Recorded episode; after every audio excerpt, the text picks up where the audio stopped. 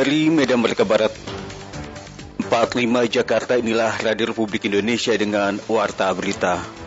Bagi bagi seluruh masyarakat pengguna jalan lintas Medan Brastagi, kami dari TKP Tikungan Tirtanadi tadi malam ada kejadian longsor. Kami laporkan bahwa titiknya ada dua longsorannya. Saya malah berpikir bahwa musik itu kan bagian dari kesenian ya. Orang-orang kreatif seniman itu kan justru dia sangat sangat kreatif ketika dia mendapat masa yang sangat sulit. Karya-karya besar lahir di zaman yang sulit ini.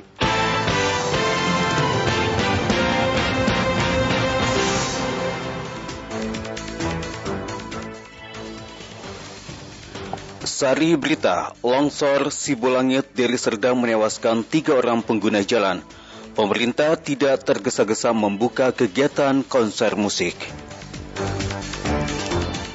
Inilah warta berita selengkapnya hari Minggu tanggal 24 Oktober 2021 bersama saya Sugandi Avandi.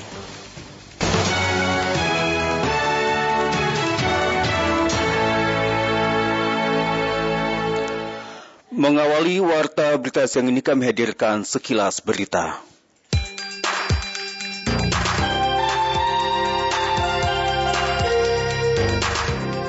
Mulai hari ini untuk perjalanan dengan pesawat dari atau ke bandara di Jawa dan Bali, calon penumpang wajib menunjukkan hasil negatif PCR 2 kali 24 jam sebelum keberangkatan.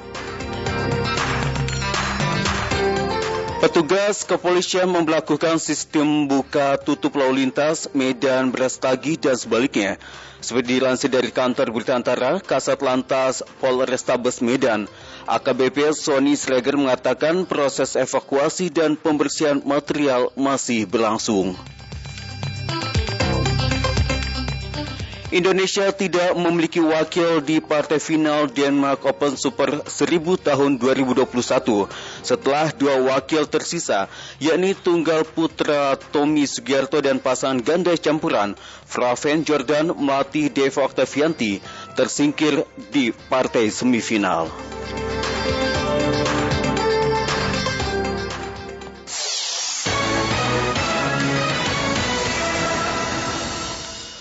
Longsor di Jalan Jamin Ginting, Desa Sibulangit, Kabupaten Deli Serdang, Provinsi Sumatera Utara, menewaskan tiga orang pengguna jalan.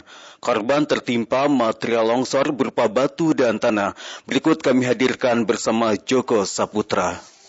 Titiknya ada dua longsorannya, yaitu satu seperti yang Bapak Ibu lihat di atas Hujan deras disertai petir sejak Sabtu sore menyebabkan terjadinya tanah longsor di kawasan Jalan Jamin Kinting kilometer 36, tepatnya di tikungan Tirtanadi Desa Simbolangit, Kecamatan Simbolangit, Kabupaten Deli Serdang. Material batuan dan tanah yang turun dari atas tebing menimbun badan jalan dan menimpa dua unit kendaraan mobil yang melintas. Tiga dari lima penumpang dinyatakan meninggal dunia, serta dua lainnya mengalami luka-luka. Untuk dua korban luka saat ini dirawat di Rumah Sakit Evarina Kabupaten Karo serta Rumah Sakit Umum Pusat Haji Adam Malik Medan. Kasat Lantas Polresta Kota Medan, AKBP Sony Siregar mengatakan, ada dua titik longsor di kawasan tersebut yang letaknya berdekatan. Longsor yang membawa material batuan dan tanah membuat mobil yang membawa lima orang penumpang tertimpa material longsor saat melintas di tikungan Tirtanadi. Tiga orang meninggal dunia dan dua lainnya berhasil diselamatkan. Bagi bagi seluruh masyarakat pengguna jalan lintas Medan Brastagi, kami dari TKP Tikungan Tirtanadi tadi malam ada kejadian longsor. Kami laporkan bahwa titiknya ada dua longsorannya, yaitu satu seperti yang Bapak Ibu lihat di atas ada batu masih menggantung dan siap-siap untuk jatuh. Kemudian ini TKP kedua, uh, bebatuan juga masih menggantung dan uh, termasuk ini sebatang pohon yang sangat besar dan di atas itu juga ada pohon yang sudah siap-siap uh, untuk tumbang. Jadi uh, barang bukti uh, kendaraan yang tadi malam uh, satu unit Xenia yang tertimpa oleh batu. Material tanah longsor yang menutup badan jalan sejak Sabtu malam sempat menyebabkan perjalanan dari Medan menuju Brastagi dan juga arah sebaliknya lumpuh total. Dengan menggunakan dua alat berat dan alat manual, polisi akhirnya memperlakukan sistem buka tutup bagi para pengendara setelah dilakukan pembersihan material longsor pada minggu pagi guna menghindari kemacetan. Sementara jalur kami lakukan buka tutup uh, dan sambil untuk melakukan pembersihan. Kami himbau kepada seluruh masyarakat yang tidak berkepentingan mendesak atau yang sangat uh, sekali tidak usah melakukan perjalanan Medan Persagi ataupun Persagi Medan supaya lebih aman. Sementara Kepala BMKG Wilayah 1 Medan Hartanto mengatakan, saat ini wilayah Deli Serdang memang sedang mengalami curah hujan tinggi yang diprediksi puncaknya terjadi hingga akhir November. Pihak BMKG memprediksi potensi bencana seperti tanah longsor masih terus terjadi di kawasan menuju puncak Brastagi. Hujan yang terjadi di sana itu kan bukan hujan satu hari, sudah beberapa hari sebelumnya sudah sudah turun dan tentunya itu perlu mendapat perhatian seluruh masyarakat. Tidak hanya di Sibolangit sebenarnya. Potensi-potensi lain munculnya potensi-potensi longsor tentunya perlu diwaspadai juga karena memang peningkatan curah hujan hujan sudah merata diambil seluruh sebagian besar wilayah Sumatera Utara. Hingga minggu pagi, petugas kepolisian masih terus melakukan pengaturan lalu lintas di lokasi terjadinya longsor. Pihaknya juga mengimbau masyarakat yang tidak memiliki kepentingan mendesak untuk sementara menunda perjalanan yang melintas di kawasan tersebut karena material batuan dan tanah masih sangat rentan menutup badan jalan jika sewaktu-waktu terjadi hujan. Demikian Joko Saputra melaporkan. Supaya lebih aman.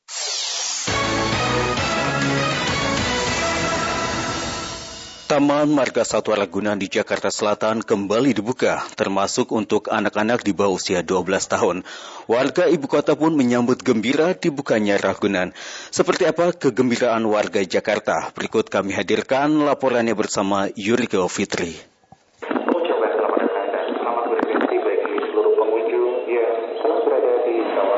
Pemerintah Provinsi DKI Jakarta kembali membuka tempat-tempat wisata di Jakarta seperti Taman Impian Jaya Ancol, Taman Mini Indonesia Indah, dan Taman Marga Satwa Ragunan Jakarta Selatan.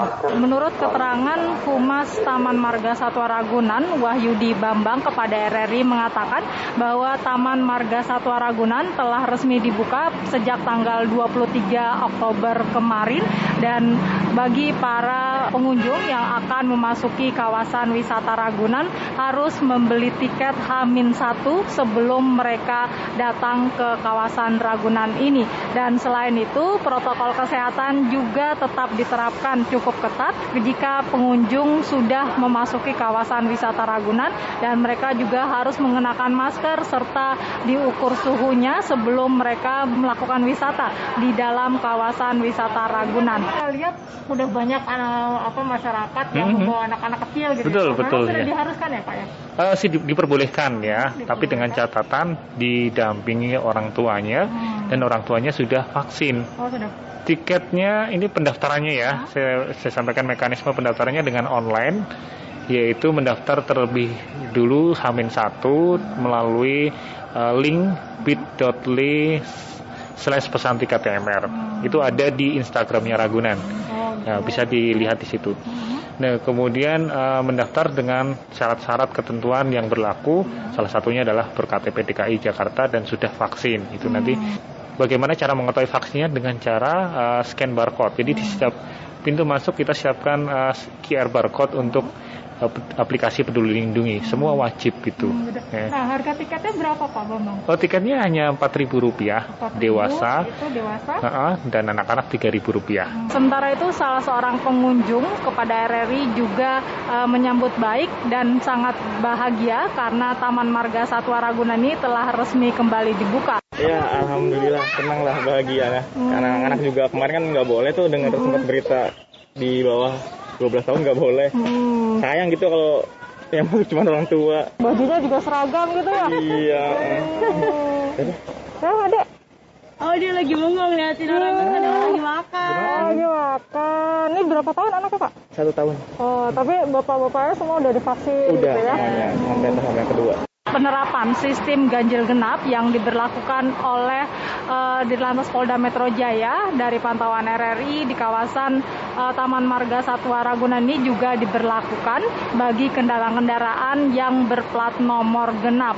Sementara dari pantauan RRI sejak pagi hingga siang hari ini uh, masih terlihat cukup banyak masyarakat yang datang ke kawasan Taman Marga Satwa Ragunan. Dari Jakarta, Yoriko Fitri, Pro 3 RRI.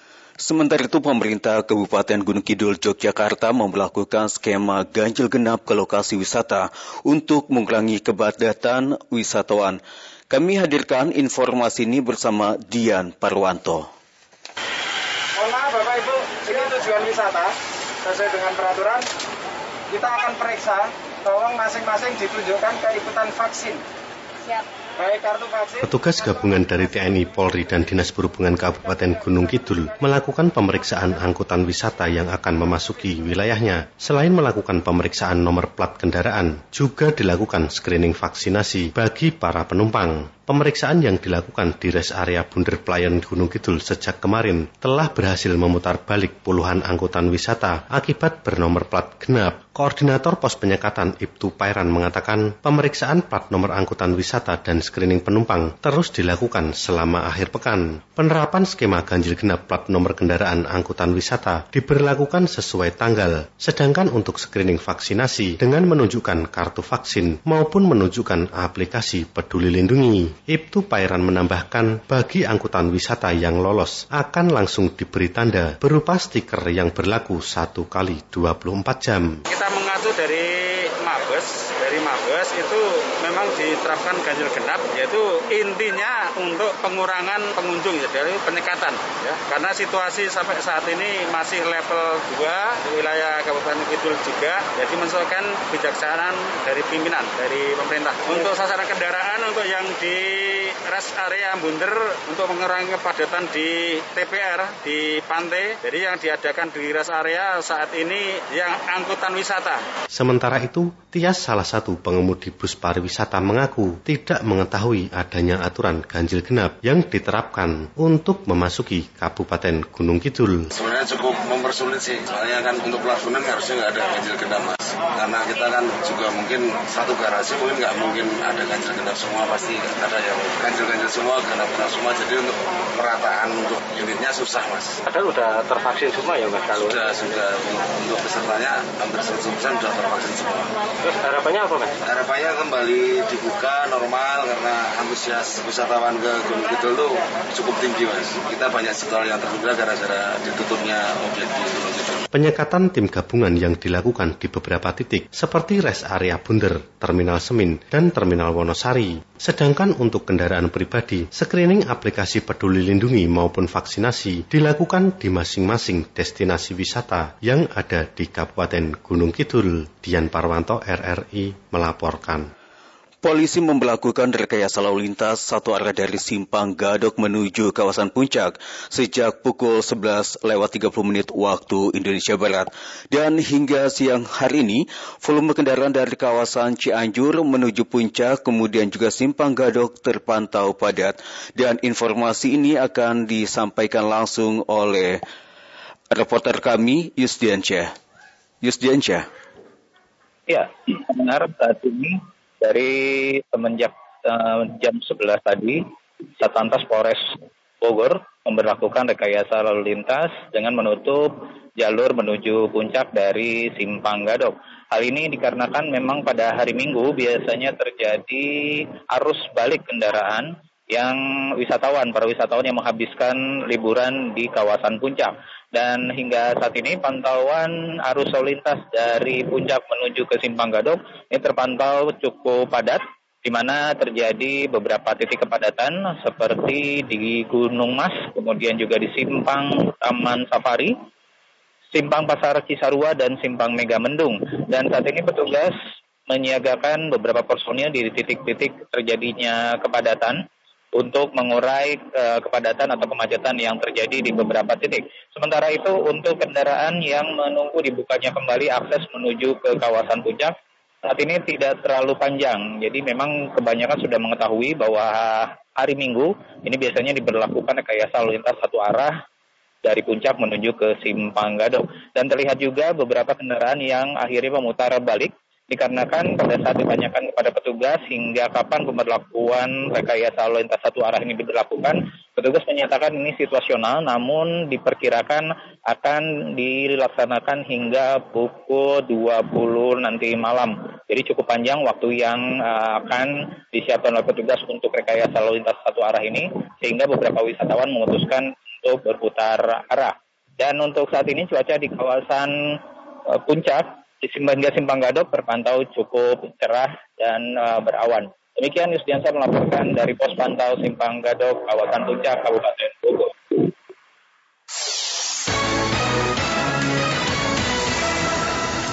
Anda masih mendengarkan program 3 Radio Republik Indonesia.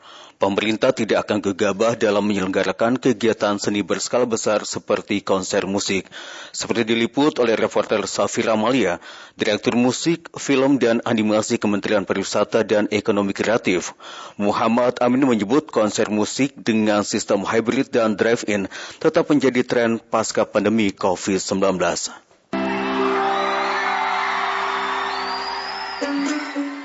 Industri musik merupakan salah satu subsektor ekonomi kreatif yang turut mengalami tekanan selama pandemi COVID-19. Selain sebagai sarana aktualisasi pekerja seni, penyelenggaraan konser musik juga menjadi sumber ekonomi bagi mereka yang berkecimpung di subsektor ini. Meski saat ini Indonesia telah terbebas dari zona merah, namun pemerintah sangat berhati-hati dalam hal penyelenggaraan kegiatan seni berskala besar seperti halnya konser musik.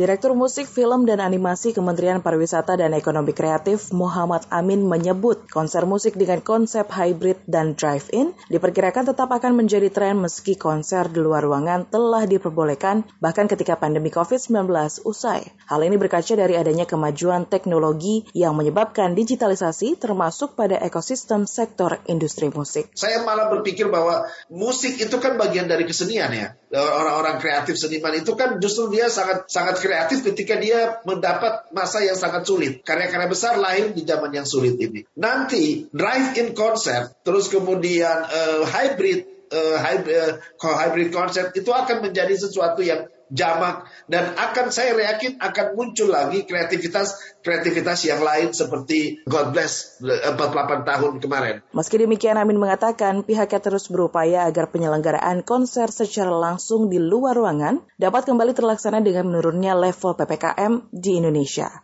Sementara itu, pendiri Backstagers Indonesia, Krisnanto Sutrisman, mengatakan jika nantinya konser akan segera dilakukan secara langsung atau luring, Asosiasi Event Organizer perlu mendapatkan sosialisasi dan pelatihan agar lebih memahami protokol kesehatan dan tahu apa yang harus dilakukan. Teman-teman event organizer ini sebenarnya dalam posisi menunggu dan bersiap gitu. Bahkan kita uh, adalah industri yang paling pertama mati duluan dan mungkin akan bangkit belakangan gitu ya.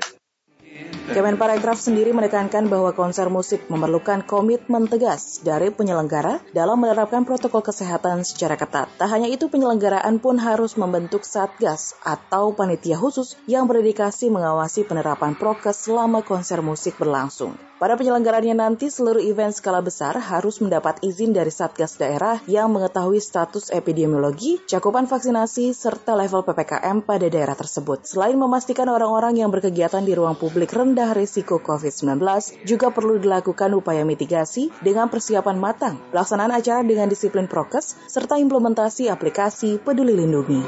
Dari Jakarta, Safira Malia, Pro 3, RRI. Menteri Kesehatan Republik Indonesia Budi Gunadi Sadikin menargetkan uji klinis tahap ketiga vaksin merah putih dilakukan pada semester ketiga tahun depan, sehingga dapat digunakan secepatnya. Vaksin itu ada tiga tahap besar. Yang pertama adalah research dan development. Hasilnya apa? Seed vaksin atau bibir vaksin, outputnya. Sesudah jadi seed vaksin, aktivitasnya research and development itu ada aktivitas kedua. Dia bikin pabrik di hulu hasil outputnya apa? Drug substance istilahnya. jadi kayak uh, vaksin yang siap untuk diperbanyak gitu ya drug substance.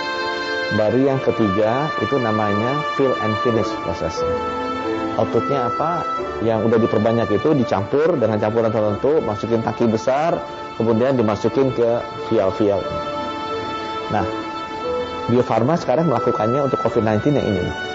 Yang fill and finish packagingnya aja campur-campur lebih banyak packaging. Tapi research and developmentnya yang bikin seed vaksin dan tahap kedua pabriknya di hulu yang bikin drug substance itu masih dilakukan di luar negeri. Nah kita pengen tiga tahapan ini dilakukan di dalam negeri. Yang paling cepat saya rasa ada dua. Kita ada beberapa perguruan tinggi konsorsium yang kita dorong. Yang paling cepat pertama adalah Universitas Erlangga dengan Biotis diharapkan bisa selesai uji klinis tahap tiganya di kuartal ketiga tahun depan. Dan yang kedua, Bio Farma dengan Eijkman kuartal keempat tahun depan. Menteri Budi menegaskan paling penting adalah mengendalikan pandemi COVID-19 karena menurutnya pandemi tidak akan hilang.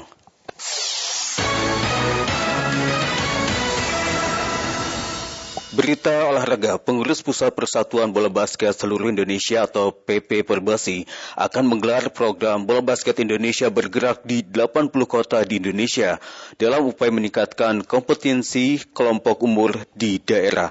Berikut Adi Wiono melaporkan.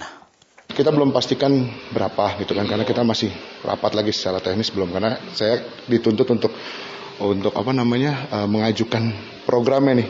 Pendengar kompetisi dengan sistem desentralisasi menjadi salah satu program yang ditetapkan PB Perbasi dalam rapat pleno sekaligus HUT ke-70 Perbasi yang berlangsung di Robinson Cisarua Resort, Bogor, Jawa Barat. Salah satu yang ditetapkan Perbasi adalah mengadakan kompetisi lokal di 80 kota di Indonesia mulai tahun 2022 mendatang. Selain untuk program desentralisasi, kompetisi ini bertujuan menambah animo masyarakat dan menyebabkan demam Piala Dunia FIBA 2023 dengan menempatkan Indonesia sebagai tuan rumah bersama dengan Jepang dan Filipina. Wakil Ketua Umum Bidang Pembinaan dan Prestasi PB Perbasi, Jos Fernando Dendeng kepada RRI mengatakan kompetisi ini bakal menggelorkan semangat masyarakat dengan muara pembentukan tim nasional ke depan. Muaranya, kalau ditanya muaranya, pasti untuk tim nasional.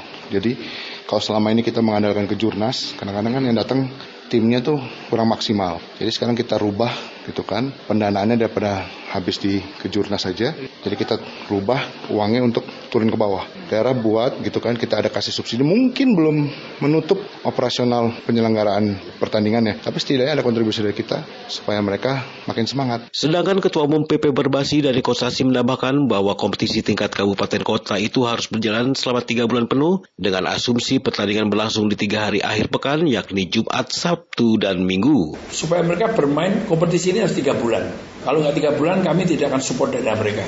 Setiap kota harus tiga bulan dan pertandingan cuma satu minggu cuma satu minggu aja. Dengan itu menjadikan pembiayaan ringan sekali. Jadi mereka kita berharap di setiap kota dibanyakin bertanding dengan adanya pertandingan wasit akan hidup pelatih akan dapat job dan pemain itu akan dapat, bermain dengan bagus. Dalam rapat pleno PP Perbasi khusus membahas rangkaian HUT ke-70 Perbasi telah disepakati program yang menjadi rangkaian hari jadi organisasi bola basket nasional itu tahun ini. Puncaknya tadi malam di Robinson Cisarua Resort Bogor, usai rapat pleno, PP Perbasi menggelar gala dinner sebagai ajang silaturahmi seluruh pengurus PP Perbasi termasuk media peliput bola basket. Selain gala dinner, rangkaian HUT Perbasi ke-70 menjadi momentum program ke depan, diisi rangkaian acara peluncuran logo dan label basketball Indonesia, pemberian penghargaan terhadap tokoh bola basket nasional termasuk launching sosial media PP Perbasi di salah satu mall di kawasan Senayan, Jakarta awal bulan depan. Demikian Adiwino Pro 3 RRI melaporkan.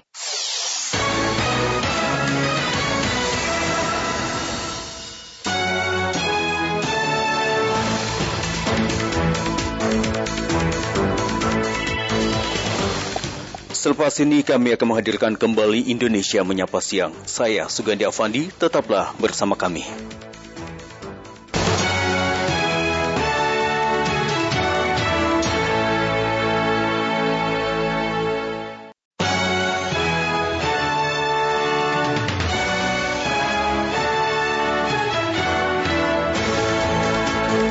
Medan Merdeka Barat 45 Jakarta, inilah Radio Republik Indonesia dengan Warta Berita.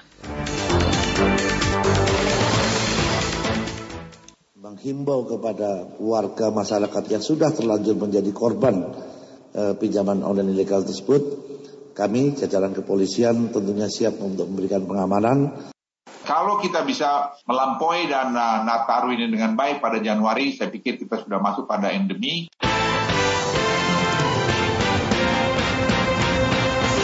Sari Berita, kabar eskrim Polri meminta korban pinjaman online ilegal untuk segera melapor. Menteri Luhut memperkirakan tahun depan Indonesia memasuki endemik COVID-19.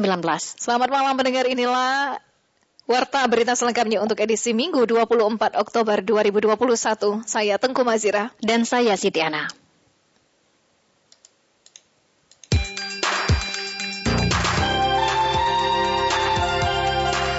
Mengawali warta berita untuk malam hari ini, kami hadirkan sekilas berita utama. Jalan Medan ke arah Brastagi, Sumatera Utara kembali normal. Petugas berhasil membersihkan dari material longsor. Polisi meminta pengendara tetap waspada karena curah hujan yang masih tinggi. Anggota Polresta Mataram, Bribtu A, dinyatakan melanggar prosedur penanganan aksi unjuk rasa mahasiswa, seperti dilansir dari kantor berita Antara. Kabit Humas Polda Nusa Tenggara Barat Kombes Pol Artanto mengatakan, Bribtu A mengayunkan tongkat ke arah peserta unjuk rasa. Akibatnya salah seorang mahasiswa terluka di bagian kepala. Gempa bermagnitudo 6,5 mengguncang Taiwan pada hari Minggu 24 Oktober 2021. Seperti dilansir dari Reuters, di pusat gempa di wilayah Yilan, guncangan gempa terasa sekitar 30 detik lamanya. Dinding rumah terasa bergetar. Ganda putri Cina Wang Dongping dan Zheng Yu sukses mengalahkan unggulan kedua dari Korea Selatan Lee Sohee dan Shin Seung-chan pada partai final turnamen bulu tangkis Denmark Open Super 1000 dengan dua game langsung 21-15 dan 21-17.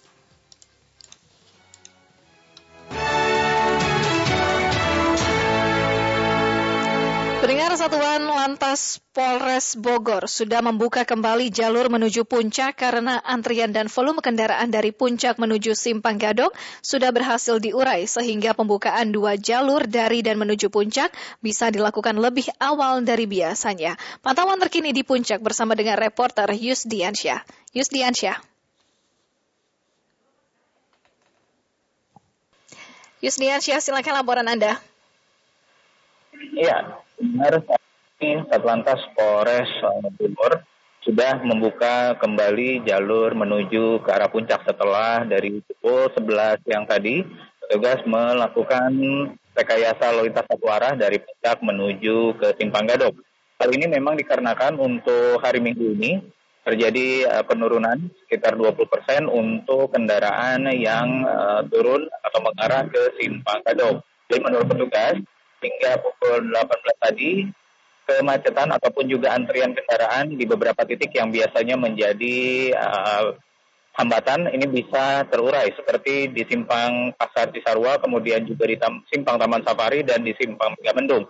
Karena itu mulai pukul 18 tadi petugas Satlantas Polres uh, Bogor sudah kembali membuka jalur menuju ke arah puncak. Selain itu juga memang dikarenakan antrian kendaraan menuju ke kawasan puncak dari sore hari tadi memang terpantau sudah cukup panjang dan uh, dikarenakan sudah terurainya kepadatan di sekitar kawasan puncak, petugas memutuskan untuk kembali membuka jalur menuju ke kawasan puncak. Dan setelah tadi sempat diguyur hujan yang cukup deras, saat ini cuaca di kawasan puncak terpantau sudah kembali normal, sudah cerah kembali, dan arus kendaraan di kedua arah, baik itu dari jalur puncak menuju ke Simpang Gadok maupun juga arah sebaliknya saat ini terpantau ramai lancar. Demikian, Yusdiansa melaporkan dari Traffic Management Center Polresta Bogor, Simpang Gadok, Kabupaten Bogor.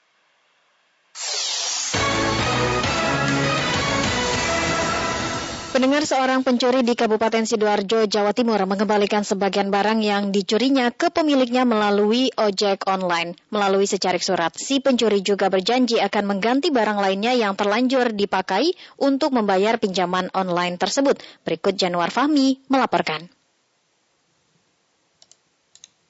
Warga Taman Pondok Jati, Sidoarjo, Indris Ulfi Visvianto, 39 tahun, menjadi korban pencurian barang-barang berharga seperti laptop, kamera digital, ponsel, hingga perhiasan istrinya seberat 4 gram atau senilai 3 juta raib di gondol pencuri. Indris menyatakan pencurian tersebut terjadi saat rumahnya dalam keadaan kosong.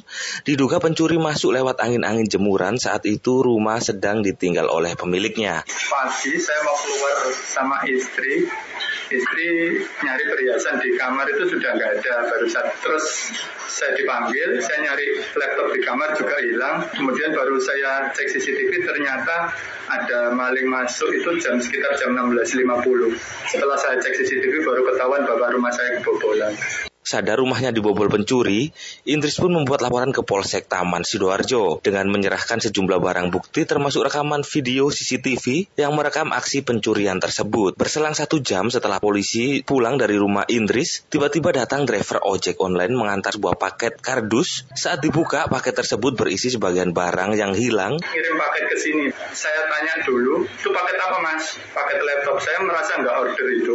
Saya tahan dulu driver gojeknya, saya buka. Ternyata barangnya yang dicuri tadi, kecuali perhiasan yang emas yang berharga yang sudah ada suratnya.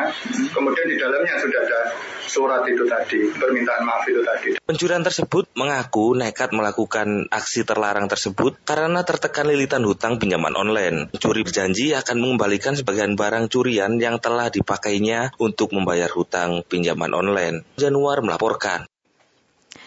Polisi berhasil mengungkap 13 kasus pinjaman online atau pinjol ilegal dengan 57 tersangka yang ditangani mulai dari Baris Krim Polri, Polda Metro Jaya hingga Polda Jawa Barat. Kabar Krim Polri Komjen Pol Agus Andrianto meminta masyarakat yang menjadi korban pinjol untuk segera melapor. Hal itu disampaikan Kabar Krim dalam keterangan yang diunggah di YouTube milik Kemenko Polhukam menghimbau kepada warga masyarakat yang sudah terlanjur menjadi korban eh, pinjaman online ilegal tersebut, kami jajaran kepolisian tentunya siap untuk memberikan pengamanan.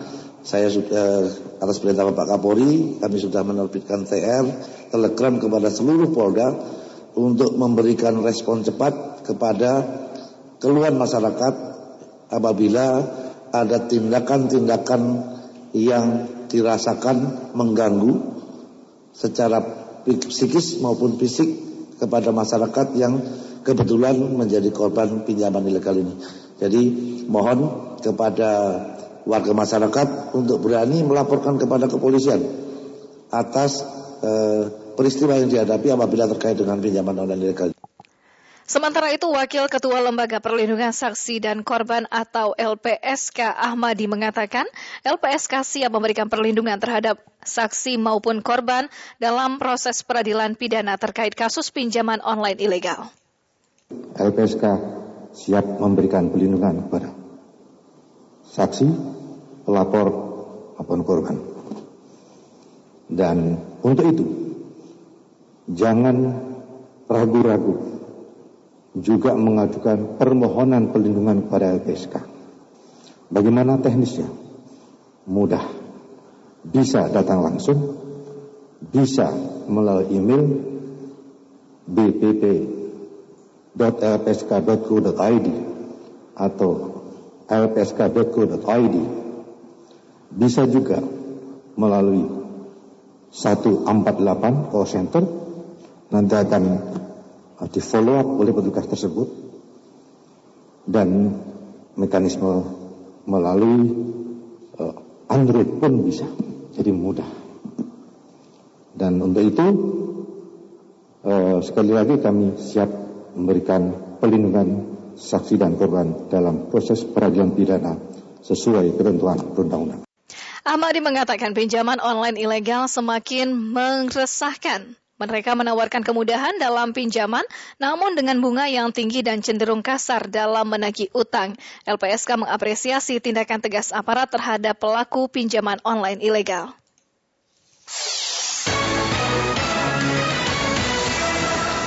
Pendengar Anda masih mendengarkan program 3 Radio Republik Indonesia. Menteri Koordinator Bidang Kemaritiman dan Investasi Luhut Binsar Panjaitan memprediksi Indonesia bakal memasuki masa endemik pada tahun depan apabila tidak ada lonjakan kasus pada libur Natal dan Tahun Baru. Rini Hairani melaporkan selengkapnya. Menteri Koordinator Bidang Kemaritiman dan Investasi Luhut Binsar Panjaitan memperkirakan pada Januari 2022 Indonesia telah masuk fase endemi setelah sebelumnya diguncang pandemi. Meski demikian menurut Luhut, seperti dikutip kanal YouTube Sekretariat Presiden Minggu 24 Oktober 2021, fase endemi bisa terjadi di Indonesia jika pada libur Natal 2021 dan Tahun Baru 2022 tidak terjadi lonjakan kasus COVID-19 akibat tingginya mobilitas masyarakat. Pemerintah lanjut Luhut juga terus mendorong percepatan vaksinasi dan penggunaan aplikasi Peduli Lindungi serta terus meminta kepada masyarakat dan seluruh stakeholder untuk tidak baik dalam menerapkan protokol kesehatan. Kalau kita bisa melampaui dan uh, Nataru ini dengan baik pada Januari, saya pikir kita sudah masuk pada endemi karena pada saat waktu itu saya kira sudah kita harapkan terdapat obat antivirus ini. Perkembangan yang ada dan kepemimpinan Presiden Jokowi, saya yakin kita akan mampu secara segera mengatasi dan keluar dari pandemi COVID-19 sebagai bangsa dan negara yang lebih kuat. Karena hasil kita mengendalikan varian Delta hingga saat ini menegaskan bahwa Indonesia bisa mengatasi berbagai permasalahan dan tantangan ke depan jika kita melakukannya secara kompak. Untuk itu saya juga sekali lagi mengajak untuk saudara-saudara semua, untuk kita sekali bahu-membahu, menjaga COVID-19 tidak kembali melonjak. Tetap gunakan masker, ajak keluarga, saudara, teman-teman yang belum divaksin untuk segera divaksin. Dan jangan lupa untuk terus disiplin menggunakan peduli lindungi. Epidemiolog dari Griffith University Australia, Diki Budiman menyebut COVID-19 berpotensi besar berubah dari pandemi menjadi endemi. Namun harus ada cara efektif untuk melakukan transisinya. Percepatan vaksinasi dan penerapan protokol kesehatan harus dapat menjadi kunci dalam perubahan tersebut. Pengendalian pandemi saat uh, masa endemik itu terjadi ya, jadi tidak nol, ya, tidak nol kasusnya, tetap ada, namun pada saat itu uh, orang sudah dalam posisi bahwa kalau sakit ya rumah sakit ada treatment dengan antivirus, kemudian dengan vaksinasi cukup relatif memberi proteksi dan juga artinya angka kematiannya sudah sangat kecil gitu. Jadi ini yang akan dialami dan ada pola hidup baru yang lebih mencegah ya penularan. Karena masalahnya tidak bisa disamakan sekali lagi COVID-19 ini dengan flu. Karena ada long COVID yang belum eh, saat ini belum kita bisa jawab bagaimana mencegahnya. Sebelumnya Deputi Bidang Koordinator Peningkatan Kualitas Kesehatan dan Pembangunan Kependudukan Kementerian Koordinator Bidang Pembangunan Manusia dan Kebudayaan Agus Suprapto menjelaskan tiga tahapan pandemi menuju endemi. Tahapan tersebut mencakup persiapan di mana upaya preventif berupa perilaku protokol kesehatan, capaian vaksinasi, serta kegiatan 3T, yakni testing, tracing, dan juga treatment masih harus diperkuat. Kemudian tahap transisi, yakni penekanan jumlah kasus terkendali dan angka kematian. Pemerintah Kabupaten Pati gencar menggelarkan, maksud kami menggelar vaksinasi COVID-19 sehingga turun level PPKM menjadi siaga 3. Berikut Agus Pambudi melaporkannya. Upaya percepatan pencapaian vaksinasi tersebut diawali di halaman Stadion Joyokusumo dengan 1.500 sasaran dan melibatkan 8 vaksinator pada Sabtu dan Minggu 23 dan 24 Oktober 2021. Selanjutnya di alun-alun Tayu pada Selasa 26 Oktober 2021, Bundaran PG Trangkil Kamis 28 Oktober 2021, dan pada Sabtu pekan depan 30 Oktober 2021 di lapangan Desa Kayen, Kecamatan Kayen. Jadi saat ini di semua puskesmas, rumah sakit kita libatkan untuk uh, mempercepat vaksinasi kepada masyarakat Kabupaten Pati. Salah satunya memang kegiatan pada pagi hari ini dan besok pagi ini di Stadion Joyo serta nanti hari Selasa depan di Alon-Alon Tayu, kemudian hari Kamis di Bundaran depan PG Trangkel serta hari Sabtu depan minggu depan itu di lapangan Desa Kayen. Ini adalah salah satu kegiatan untuk mempercepat uh, vaksinasi untuk masyarakat Kabupaten Pati. Demikian Kepala Dinas Kesehatan Kabupaten Pati Dr. Aviani Tritanti Venusia. Menurutnya, memang percepatan vaksinasi ini yang harus diupayakan untuk mencapai minimal separuh sasaran yang ada di Kabupaten Pati agar bisa turun level PPKM. Selain di seluruh puskesmas yang ada di Kabupaten Pati, Pemkap Pati melalui Dinas Kesehatan melakukan percepatan vaksinasi di tempat-tempat yang mudah dijangkau masyarakat dengan jumlah sasaran yang lebih besar. Sementara itu, Bupati Pati Arianto menegaskan saat ini tidak perlu mempersoalkan jenis vaksin yang telah disuplai pemerintah. Vaksin Sinovac, Moderna, AstraZeneca, atau Pfizer semuanya halal dan aman untuk warga masyarakat. Karena penyuntikan vaksin melalui pemeriksaan kesehatan, sehingga sampai sekarang Bupati Arianto mengaku belum pernah menerima laporan adanya kejadian ikutan pasca imunisasi atau KIPI. Karena apa? Sebelum divaksin ditanya, penjenengan kondisinya sehat atau tekanan darah tinggi atau punya penyakit lain.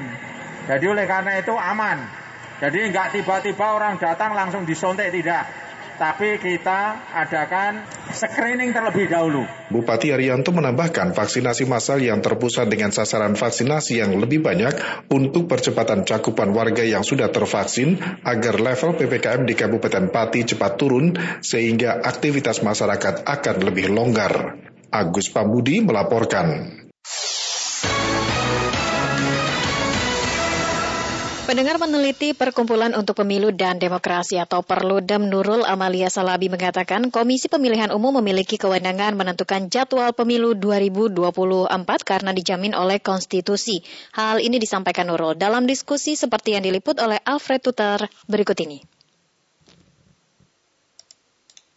tiga dasar hukum yang menegaskan bahwa KPU berwenang untuk menetapkan hari, tanggal, dan waktu pemungutan. Peneliti Perkumpulan untuk Pemilu dan Demokrasi Perludem Nurul Amalia Salabi dalam diskusi online bertajuk Tahapan Tidak Jelas Bagaimana Nasib Pemilu 2024 hari ini menekankan KPU berwenang menentukan jadwal pemilu 2024. Kewenangan itu diatur dalam tiga dasar hukum yang ada, seperti pasal 22E Undang-Undang Negara Republik Indonesia tahun 1945, kemudian dalam pasal 167 Undang-Undang Nomor 7 Tahun 2017 tentang Pemilu dan putusan Mahkamah Konstitusi Nomor 92 Tahun 2016. Sehingga menurut Amalia, apa yang diusulkan pemerintah atau anggota Komisi 2 yang lain itu hanyalah sekedar usulan kepada KPU. Di konstitusi, KPU dijamin untuk bisa bersikap mandiri. Lalu di Undang-Undang Pemilu Nomor 7 2017 di pasal 167 eh, 167 itu juga secara terang benderang dinyatakan oleh para pembuat undang-undang bahwa penentuan hari, tanggal, dan waktu pemungutan suara pemilu itu e, ditentukan oleh KPU dengan keputusan KPU. Bahkan um, ada juga putusan Mahkamah Konstitusi nomor 92 tahun 2016 yang semakin menguatkan kemandirian KPU bahwa um, konsultasi kepada DPR dan pemerintah dalam membuat uh, e, PKPU itu tidak mengikat. Jadi apa yang diusulkan oleh pemerintah atau anggota Komisi 2 yang lain itu uh, uh, hanya uh, usulan gitu ya kepada KPU. Kewenangan KPU ini mendapat respon yang beragam dari masyarakat. Ada yang mendukung, ada pula yang meminta agar kewenangan ini tidak menjadi alat politik. Saya Indah, warga Jakarta Timur. Saya dukung KPU. Tapi saya mohon ya, jangan sampai kewenangan ini juga menjadi alat politik ya. Ya saya semoga sih pemilihan jadwal pemilu 2024 mendatang ini jadi membawa hasil lebih baik. Saya Ridwan, saya warga Depok. Saya mendukung kemandirian KPU untuk menentukan jadwal pemilu 2024 mendatang. Semoga nantinya pemilu mendatang menawarkan gagasan-gagasan yang tajam dan dapat membangun Indonesia untuk lebih maju ke depannya. Sebagai informasi, KPU hingga kini belum menentukan jadwal pemilu 2024. Hal ini disebabkan adanya perbedaan pendapat antara KPU, pemerintah, dan Komisi 2 DPR RI. KPU mengusulkan pemilu 2024 dilakukan pada 21 Februari, sedangkan pemerintah mengusulkan pemilu pada 15 Mei 2024. Sementara, Komisi 2 DPR RI telah menunda rapat bersama pengambilan keputusan jadwal pemilu pada 6 Oktober 2021 lalu. Dari Jakarta, Alfred Stuter Pro 3 RRI. Masyarakat Kota Palangkaraya mengeluhkan mahalnya harga gas LPG 3 kg. Tidak hanya itu, gas juga sulit untuk didapat. Berikut Edi Suroso melaporkannya. Kita ada lima agen yang ada di sini hanya penyebarannya nggak merata. Dinas Perindustrian dan Perdagangan Kota Palangkaraya meminta sejumlah pangkalan tidak menyalahgunakan penjualan gas LPG isi 3 kg keluar daerah. Kepala Disperindak Palangkaraya, Rawang menegaskan oknum yang mempermainkan harga akan dilakukan peninjauan ulang terkait perizinan. Jika pelanggaran termasuk kategori berat, maka pemerintah Kota Palangkaraya tidak segan mencabut izin. Kita ada lima agen yang ada di sini hanya penyebarannya nggak merata. Pangkalannya nggak merata. Cukup banyak sebenarnya. Ada terkonsentrasi di daerah eh, apa di daerah pasar. Dan juga masyarakat juga memakai itu bukannya masyarakat yang miskin tapi masyarakat orang mampu. Miskin lambat. Kita beri teguran dulu peringatan. Pada satu kedua yang ketiga kita cabut. Karena itu ketentuannya. Pangkalan tidak boleh menjual lebih dari harga headnya yang sudah ditentukan oleh pemerintah. Ia menambahkan, di tengah kondisi perekonomian masyarakat yang sedang sulit saat ini, sudah seharusnya semua pihak tidak mengambil kesempatan dalam kesempitan warga, tetapi saling membantu dan mengedepankan kejujuran. Di tempat terpisah, salah satu pemilik pangkalan di Palangkaraya, Subarnadi, membenarkan harga gas LPG isi 3 kg naik menjadi Rp22.000 per tabung dari sebelumnya hanya Rp18.000. Angkalan itu tugasnya adalah mendistribusikan masyarakat yang tidak mampu aturannya. Tapi hal seperti itu memang belum kita mengenai semua. Artinya memang melanggar maka itu akan cabut. Kendati ada kenaikan, Subarnadi menilai masih terjangkau untuk masyarakat dan pihaknya menyambut baik kebijakan pemerintah mencabut izin sejumlah pangkalan yang diduga mempermainkan harga gas LPG isi 3 kg. Sementara itu, salah satu konsumen LPG isi 3 kg, Istianah mengakui harga di tingkat pengecer mahal yakni Rp33.000 sampai tembus Rp35.000 per tabung itu bila dalam keadaan langka. Mahal mas, bisa 33, kemarin beli 33 juga. Gas itu kalau nggak di pangkalan mahal belinya. Kalau di eceran bisa 33, 35. Itu pun susah mencarinya. Kalau di pangkalan gin nggak nggak lama-lama, sebentar udah habis. Kayak nggak banyak stokan gitu. Nah, sarannya agar pemerintah bisa supaya enak mendapatkannya itu. Apalagi yang sekarang nih habis semenjak habis banjir itu cari kerjaan susah, belanja susah, nggak ada kerjaan. Dengan keadaan masyarakat masih dilanda gejolak perekonomian saat ini, ia berharap pemerintah bisa melakukan pengawasan terhadap harga LPG di tingkat pengecer. Kalau bisa, disamaratakan harganya, agar beban masyarakat tidak semakin berat di tengah pandemi COVID-19. Edi Suroso melaporkan. Pendengar Gubernur Jawa Tengah Ganjar Pranowo mendukung penyedia layanan ojek online yang mulai menerapkan kendaraan listrik. Informasi selengkapnya disampaikan Luki Setiawan. Pendengar Gubernur Jawa Tengah Ganjar Pranowo mendukung langkah salah satu penyedia layanan ojek online yang mulai menerapkan kendaraan listrik sebagai salah satu upaya mengurangi emisi gas buang dari kendaraan BBM. Pernyataan Gubernur ini disampaikan dalam acara peluncuran 6.000 kendaraan listrik untuk mitra ojek online Grab yang bekerjasama dengan VR Motor di Semarang. Menurutnya langkah ini diperuntukkan tidak hanya saat ini, namun juga demi menjaga anak cucu ke depannya. Sudah bicara mengurangi polusi, anak sekarang pikirannya itu. Maka kalau Bu Neneng sebagai keluarga besar Grab mengambil posisi ini, top. Ya, berani melangkah, nah, itu penting. Berani melangkah. Di sisi lain, Menteri Energi dan Sumber Daya Mineral ESDM Republik Indonesia Arifin Tasrif sangat mengapresiasi inisiatif ini karena turut membangun ekosistem terintegrasi sehingga membantu meningkatkan minat masyarakat Indonesia akan berkendara motor listrik berbasis baterai. Dalam sambutan tertulis yang dibacakan Sri Penny Inten Cahyani, Menteri ESDM menambahkan pemerintah memiliki target jumlah kendaraan bermotor listrik berbasis baterai atau KBLBB roda 2 sebanyak 13 juta unit pada tahun 2030. Target ini sesuai dengan Grand Strategi Energi Nasional dalam upaya pengurangan konsumsi BBM sebesar 6 juta kiloliter per tahun, serta menurunkan emisi gas rumah kaca sebesar 7,23 juta ton karbon dioksida. Kementerian ESDM telah menerbitkan Permen ESDM nomor 13 tahun 2020 tentang penyediaan infrastruktur pengisian listrik untuk kendaraan bermotor listrik berbasis baterai yang mengatur tentang standar, keselamatan, serta ketentuan ketenaga listrikan termasuk tarif listrik dan insentifnya. Sementara itu perwakilan dari Grab Indonesia, Neneng Gunadi menyebutkan penggunaan kendaraan listrik ini sejalan dengan target pemerintah untuk menghadirkan 2 juta unit kendaraan listrik di tahun 2025. Sementara Direktur VR Motor Indonesia, Yuswanto Susetyo, menjelaskan selaku industri otomotif Pihaknya terus serta membantu pemerintah Indonesia dalam mengurangi emisi karbon. Hal itu mengacu pada peraturan Presiden nomor 55 tahun 2019 mengenai percepatan program kendaraan listrik. Luki Setiawan melaporkan. Kita beralih ke berita olahraga pendengar. Manchester United siap menjamu Liverpool yang tengah dalam performa terbaiknya. Antisipasi juga dibangun Liverpool usai comeback mengesankan yang ditunjukkan Manchester United di kandang mereka beberapa hari lalu. Selengkapnya disampaikan Niar Abdul Litiloli. Shaw, useful, great Manchester United bersiap menjamu Liverpool pada lanjutan Liga Premier Inggris musim 2021-2022 pekan ke-9 yang akan berlangsung malam ini di Stadion Old Trafford. Skuad setan merah tengah berada pada suasana yang positif usai kemenangan comeback di Liga Champions saat mengalahkan Atalanta 3-2. Juru taktik The Red Devil Ole Gunnar Solskjaer menyebut teknik permainan mereka saat menghadapi Liverpool nanti bukan hanya soal menyerang dan bertahan dengan baik, namun lebih daripada itu karena The Reds juga tengah dalam performa maksimalnya.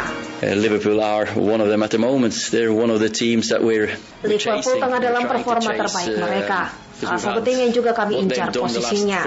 Pencapaian mereka empat tahun terakhir adalah apa yang juga kami inginkan. uh, Musim lalu kami berhasil melampaui mereka di Liga Domestik karena mereka cedera-cedera.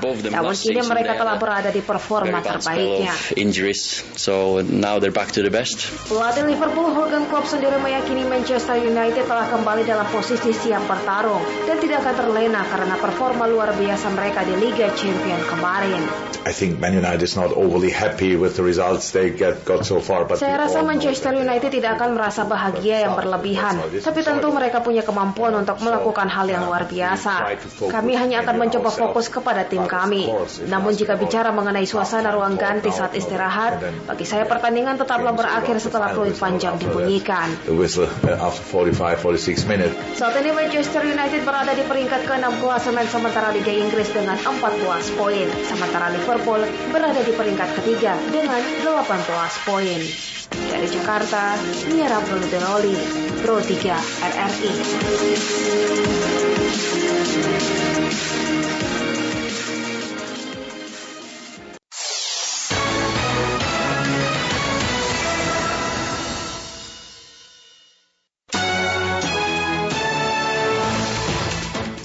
Warta berita malam ini kami akan lanjutkan kembali Indonesia menyapa malam. Tetaplah bersama kami. Saya Siti Ana. Dan saya Tengku Mazira.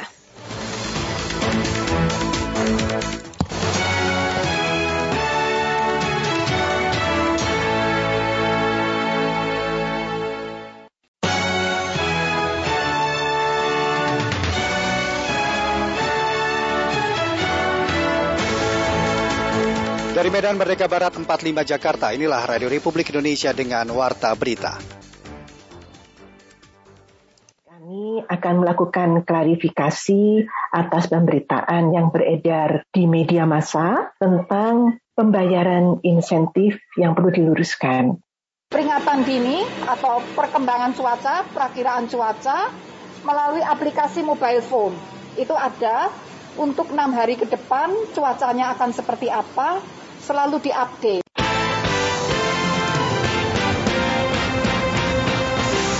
Sari Berita, Kementerian Kesehatan meminta tenaga kesehatan yang menerima pembayaran insentif sebanyak dua kali dapat mengembalikan kelebihannya. Jawa Tengah termasuk dalam wilayah di Indonesia yang terdampak fenomena La Lina. Inilah warta berita selengkapnya Minggu 24 Oktober 2021 bersama saya Rudi Zain.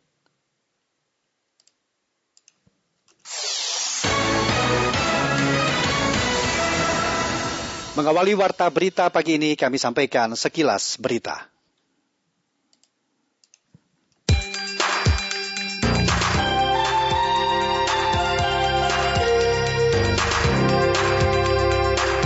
Menteri Komunikasi dan Informatika Johnny G. Plate mengumumkan bahwa pemerintah telah merealisasikan insentif usaha pemulihan ekonomi nasional atau PEN dengan capaian 96 persen untuk membantu dunia usaha menghadapi pandemi COVID-19.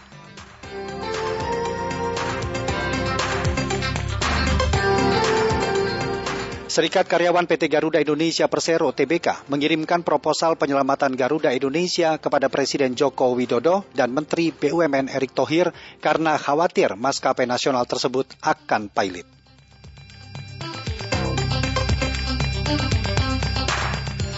Junta militer Myanmar menyatakan tak akan terlibat dalam dialog dengan kelompok-kelompok yang tak setuju atas kudeta yang telah dilakukan, juga terhadap pendukung dan anggota pemerintahan Aung San Suu Kyi yang digulingkan.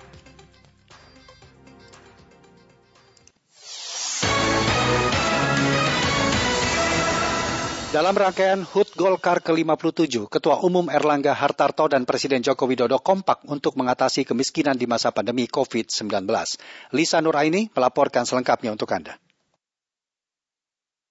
Partai Golkar 57 tahun. Partai Golkar.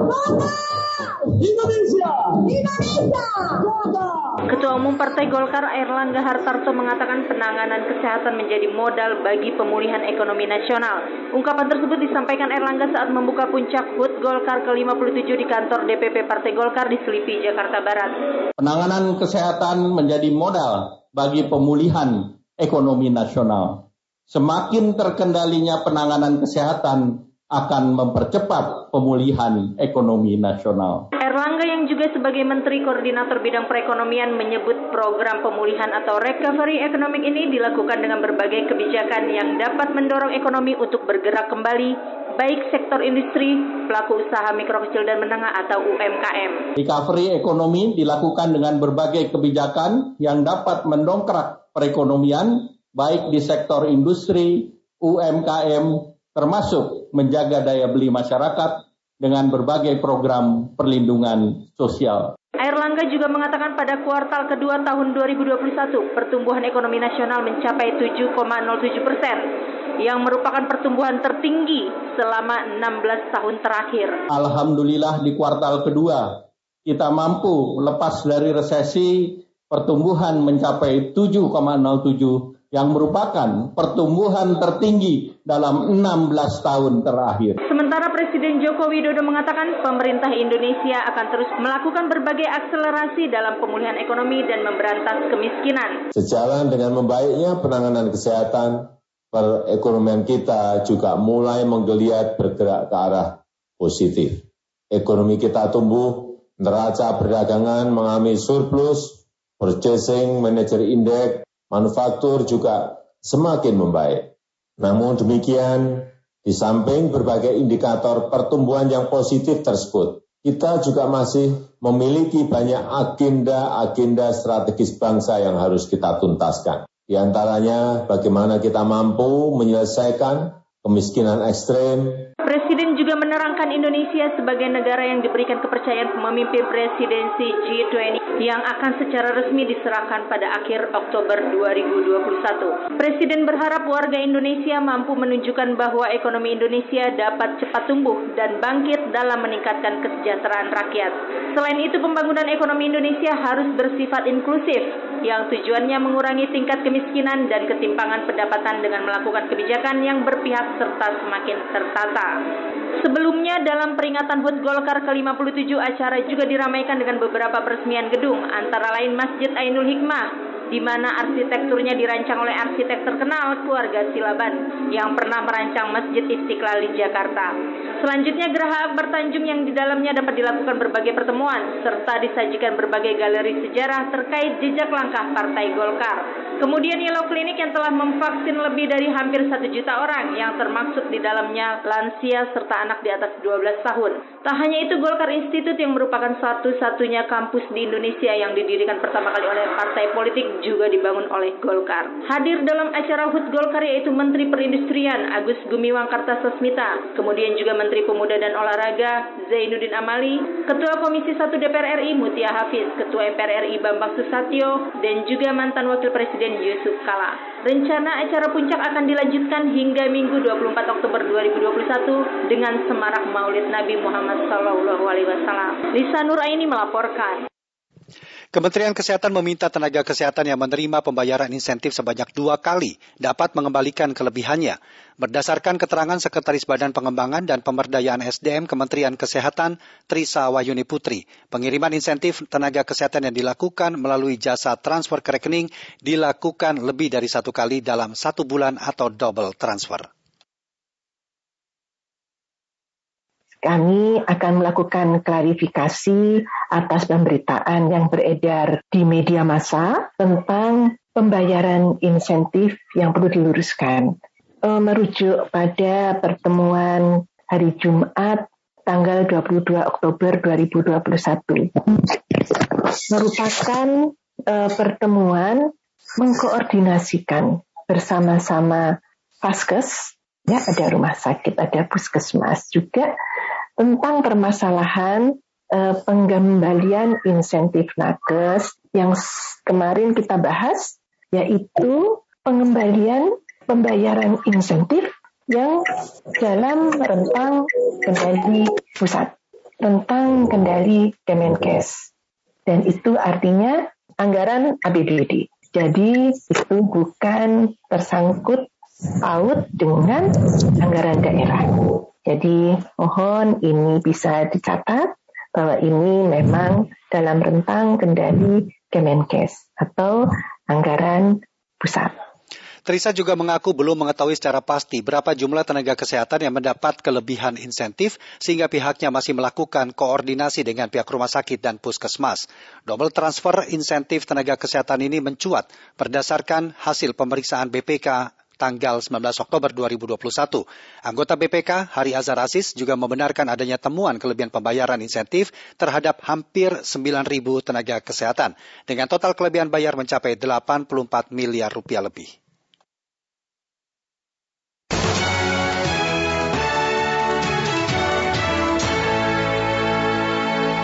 Jawa Tengah termasuk dalam wilayah di Indonesia yang terdampak fenomena La Nina, setidaknya pada bulan Desember. Dan informasi dari BMKG menunjukkan curah hujan di Jawa Tengah akan mengalami peningkatan hingga 40 persen. Luki Setiawan menyampaikan laporannya.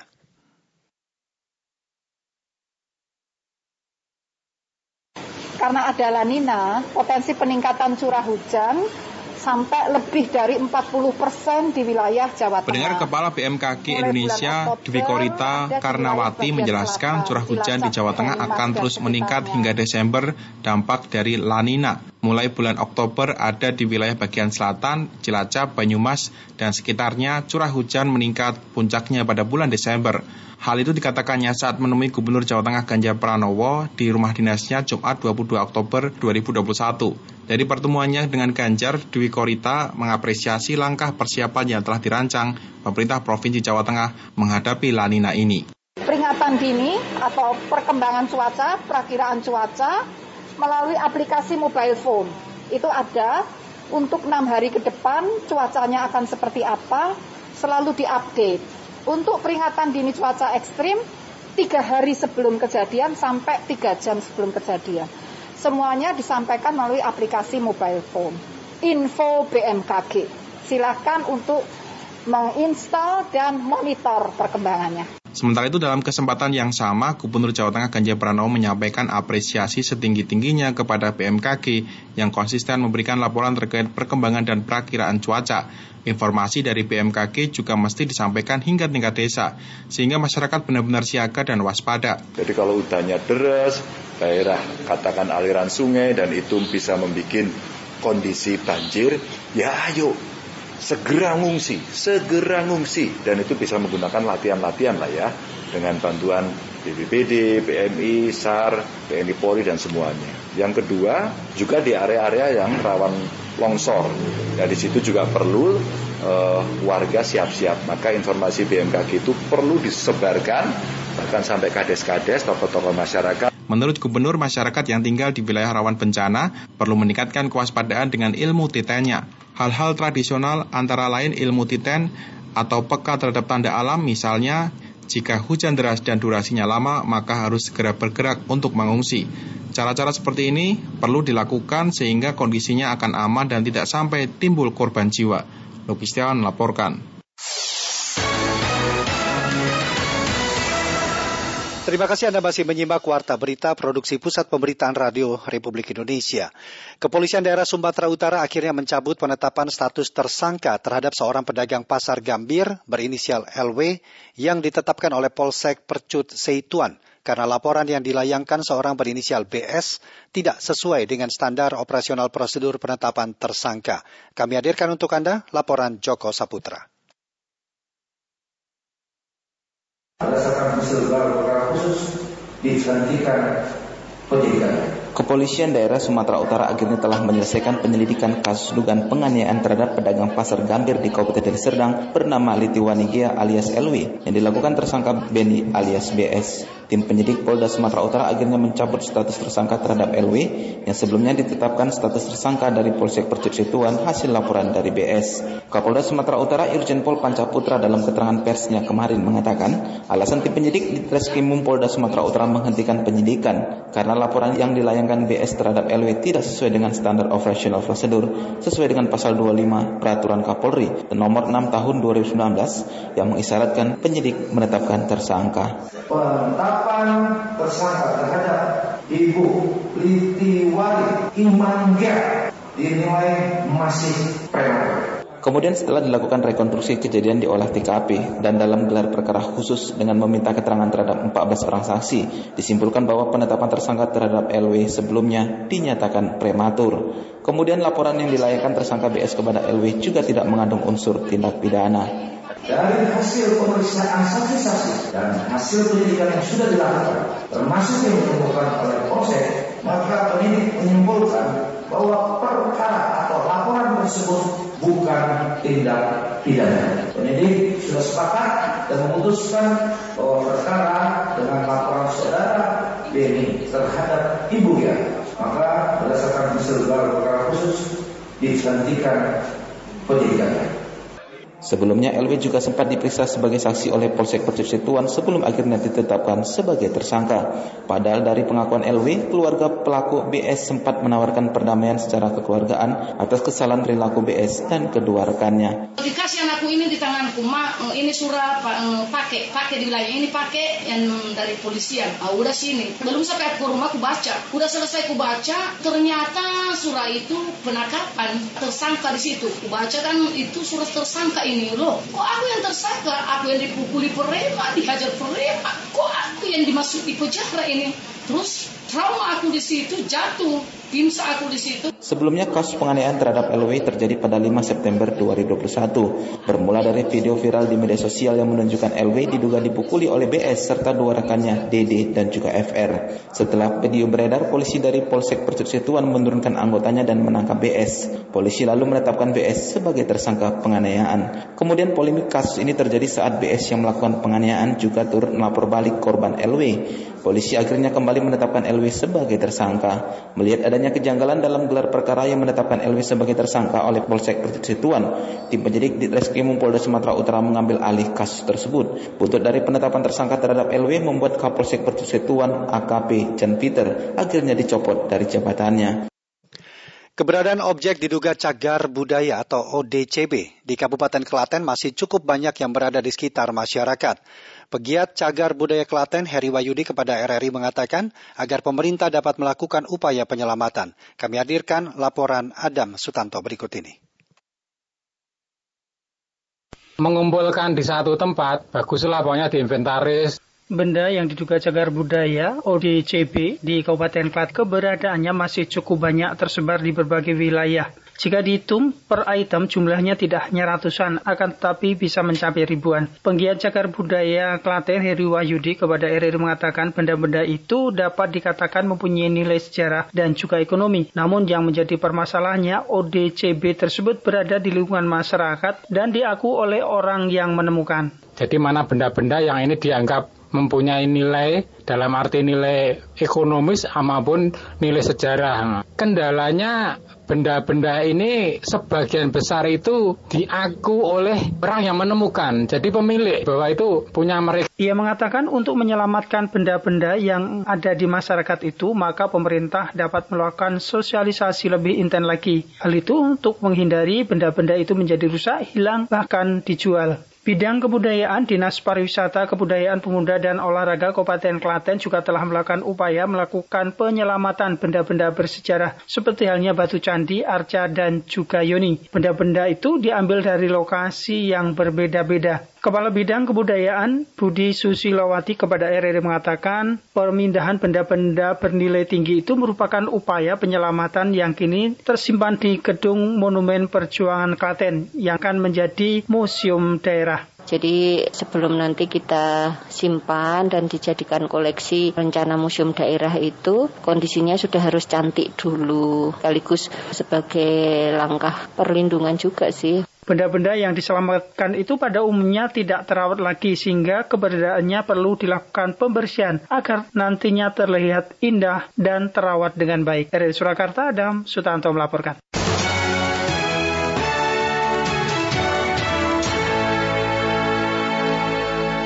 Demikian warta berita pagi ini. Kami harap Anda tetap bersama kami untuk menyimak informasi-informasi aktual lainnya dalam program Indonesia Menyapa Pagi.